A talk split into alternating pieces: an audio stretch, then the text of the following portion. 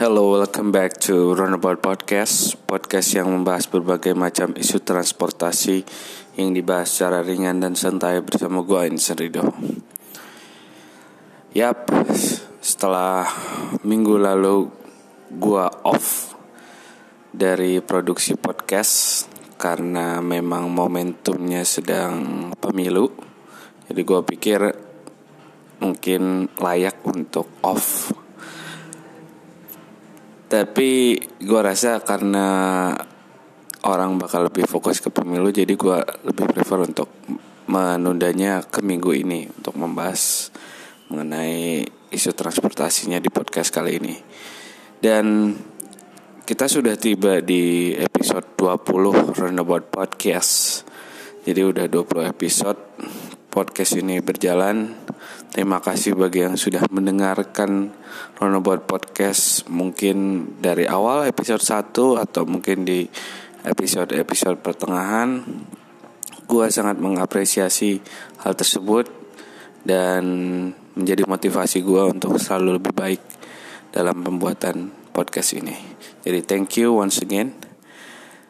Alright, uh, back to the business. Uh, episode 20 ini akan membahas mengenai isu yang ramai diperbincangkan untuk satu atau dua hari ke belakang ini yaitu mengenai electric cars.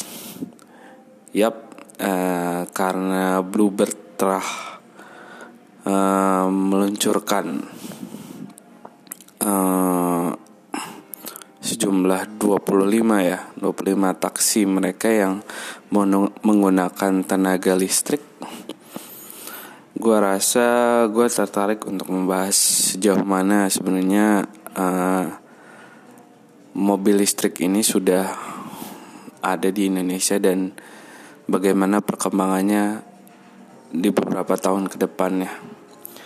Gue akan coba bahas itu di episode kali ini. Jadi semoga kita semua bisa belajar dan bisa bisa terus uh, up to date lah dengan isu-isu electric cars ini. Jadi stay tune.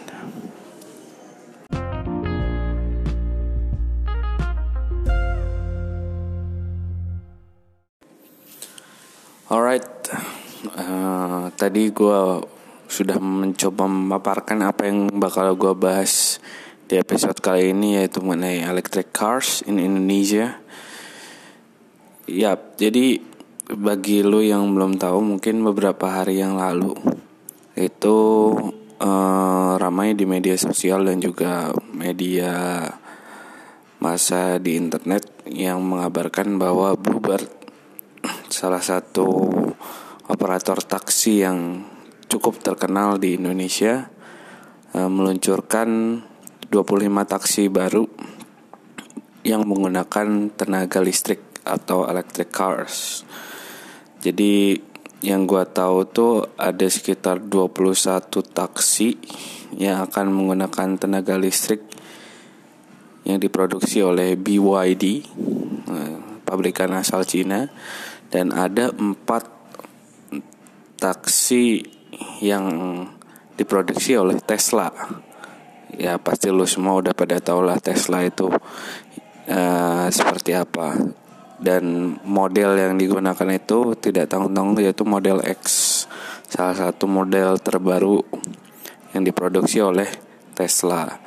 Jadi hmm, secara personal gue cukup apa ya mengapresiasi lah uh, Bluebird uh, atas uh, apa ya inisiatifnya yang menggunakan uh, mobil listrik sebagai pilihan uh, moda mereka gitu ke depannya dan gue baca juga di press release-nya bahwa uh, Pak Yonan Ignatius Jonan sebagai Menteri SDM juga turut hadir dalam memberikan apresiasi terhadap Bluebird yang sudah mulai menggunakan uh, electric cars dan di satu sisi uh, Pak Yonan pun mengatakan bahwa sayang sekali bahwa regulasi yang mengatur tentang mobil listrik ini belum benar-benar jadi di Indonesia sehingga memang uh, inisiasi dari Bluebird ini tentunya bakal mempercepat lagi ya uh, regulasi ini untuk segera disahkan dan segera uh, berlaku di Indonesia gitu. Oke, jadi uh, gue ngerasa bahwa uh, penggunaan electric cars di Indonesia ini masih dalam tahap inisiasi, artinya enggak nggak bisa sepenuhnya dibilang siap, namun juga nggak bisa dibilang bahwa kita tuh nggak bisa melangkah lebih jauh lagi gitu dalam menggunakan electric cars ini gitu. Uh, tentunya didukung dengan beberapa fakta bahwa memang sebenarnya secara keahlian kita sudah cukup punya keilmuan walaupun dalam pengalaman pembuatan mobil listrik ya belum dikatakan mumpuni juga gitu.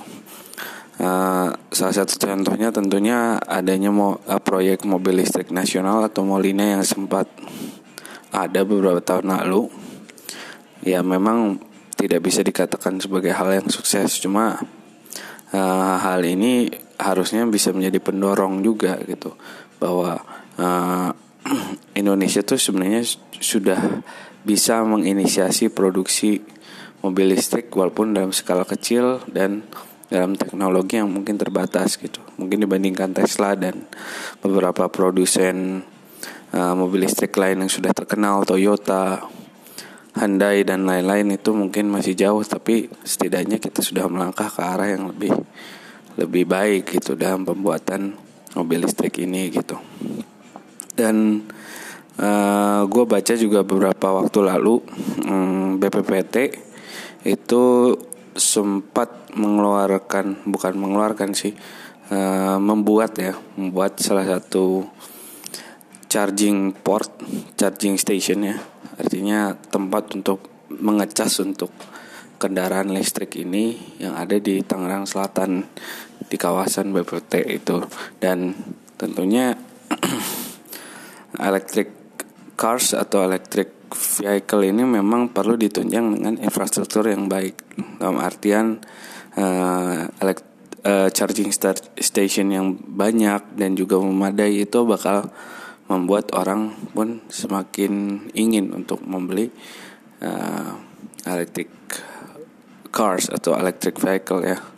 Dan itu yang bakal mendorong orang untuk uh, berpikir bahwa udah ada nih banyak charging station jadi buat apa lagi menunggu uh, produsen uh, lokal atau bahkan produsen luar untuk siap memproduksi mobil listrik di Indonesia gitu.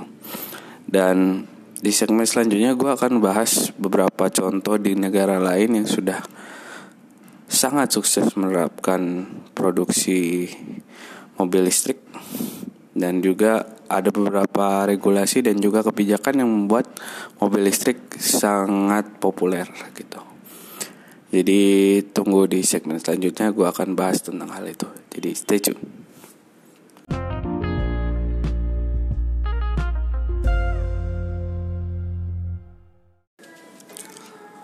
Oke, okay, balik lagi ke Roundabout Podcast di episode 20 ini.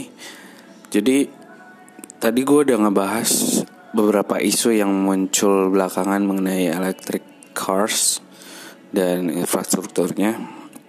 Sekarang gue akan mencoba sedikit membahas bagaimana sih trennya di luar negeri mengenai electric cars ini gitu. Apakah sebenarnya sudah menjamur ataukah sebenarnya nggak segitunya juga, nggak segitu populernya juga.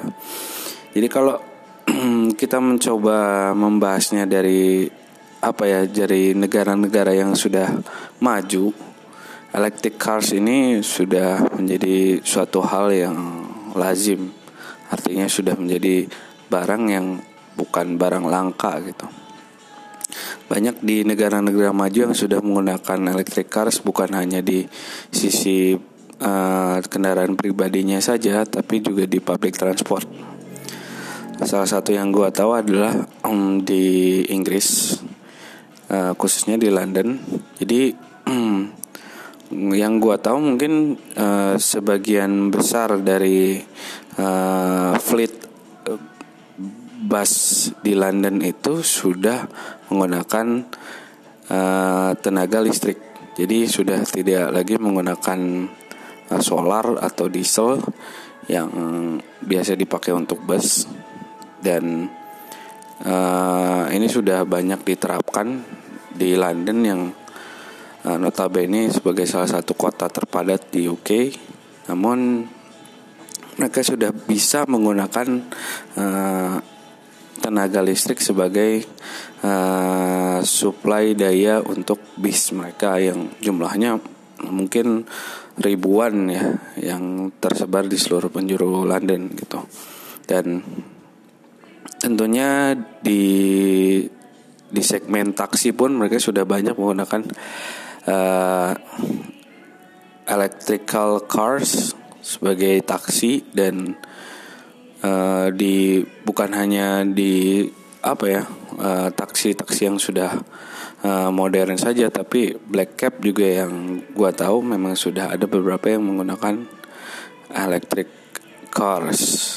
Dan tentunya di balik public transport itu semua juga ada regulasi dan juga hmm, apa ya kebijakan yang memang mendorong penggunaan uh, electric cars ini tentunya salah satunya adalah awareness mengenai lingkungan yang sudah cukup tinggi gitu di kawasan Inggris sana gitu. Lalu kalau kita bro, uh, mencoba beranjak ke negara lain yaitu Norwegia.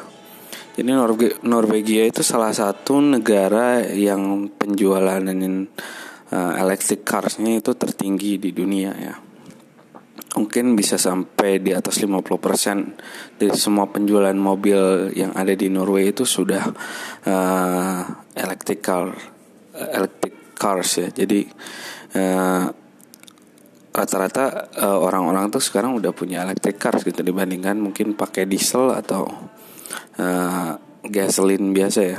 Jadi uh, itu udah sebuah kewajaran lah orang beli uh, electric cars di Norwegia. Dan kebijakannya memang banyak insentif yang didapatkan dari membeli uh, mobil elektrik seperti ada potongan pajak. Uh, jadi lu nggak harus bayar pajak tertentu. Yang ada kaitannya dengan emisi lalu juga uh, dari sisi apa ya ada gratis uh, untuk uh, pengisian uh, listriknya jadi saat lu ngecas tuh lu nggak perlu bayar lagi uh, sebesar uang pun ya. Bahkan misalnya lu bayar ngecas di rumah atau ngecas di mana pun itu memang sudah ada regulasinya bahwa lu nggak nggak perlu bayar gitu. Dan banyak regulasi lain yang membuat orang-orang Norway berpindah dari mobil dengan uh, gasoline atau diesel berpindah ke uh, electric cars gitu. Dan kalau mencoba ke Asia, kita lihat juga di Cina, tren electric cars juga ini semakin semakin berkembang ya karena banyak produk produsen di Cina juga yang sudah mulai banyak mm, mengembangkan produk electric cars. Salah satunya yang menjadi uh, produsen uh, electric cars untuk Bluebird di Indonesia yaitu BYD. Itu memang sudah menjadi salah satu produsen yang cukup terkenal juga di Cina gitu dan memang penjualan electric cars di Cina pun uh, menaik tajam juga dan salah satunya adalah dengan kebijakan di negaranya yang memang lebih memberikan ruang untuk para eh, produ produsen electric cars ini untuk mengembangkan produk-produk mereka dan juga memasarkannya ke halayak yang lebih luas gitu. Dan bagaimana dengan Indonesia gitu?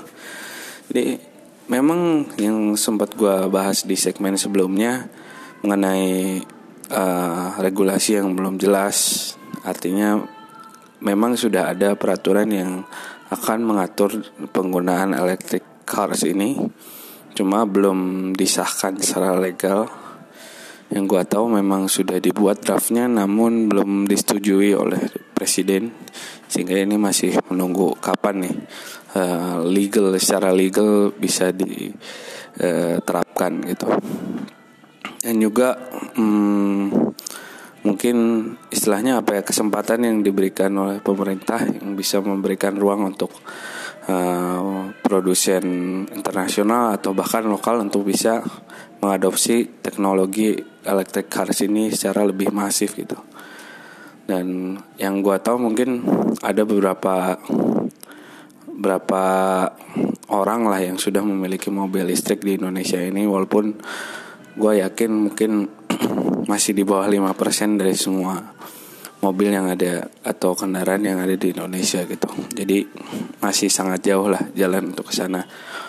Walaupun gue tahu bahwa target 2025 produksi mobil listrik di Indonesia tuh mungkin bisa mencapai 20%. Gue lupa siapa yang bilang itu cuma gue pernah baca di salah satu media online bahwa memang ada yang menargetkan seperti itu gitu. Jadi menurut gue ini sebuah target yang cukup ambisius sehingga kalau nggak ditopang dengan kebijakan yang baik juga bakal sulit ya untuk mencapai target itu. Jadi mungkin segitu dulu ya dari gue mengenai electric cars ini di Indonesia. Mungkin ke depannya di episode selanjutnya bakal gue bahas lebih dalam lagi mengenai electric cars karena teknologi ini terus berkembang. Dan di episode selanjutnya gue akan coba menggali lebih dalam secara teknikal atau mungkin secara policy gimana sih electric cars itu. Jadi terima kasih yang sudah mendengarkan episode kali ini. Gue harap lo bisa mendapatkan insight baru mengenai electric cars atau transportasi secara umum. Jadi thank you once again and have a good day.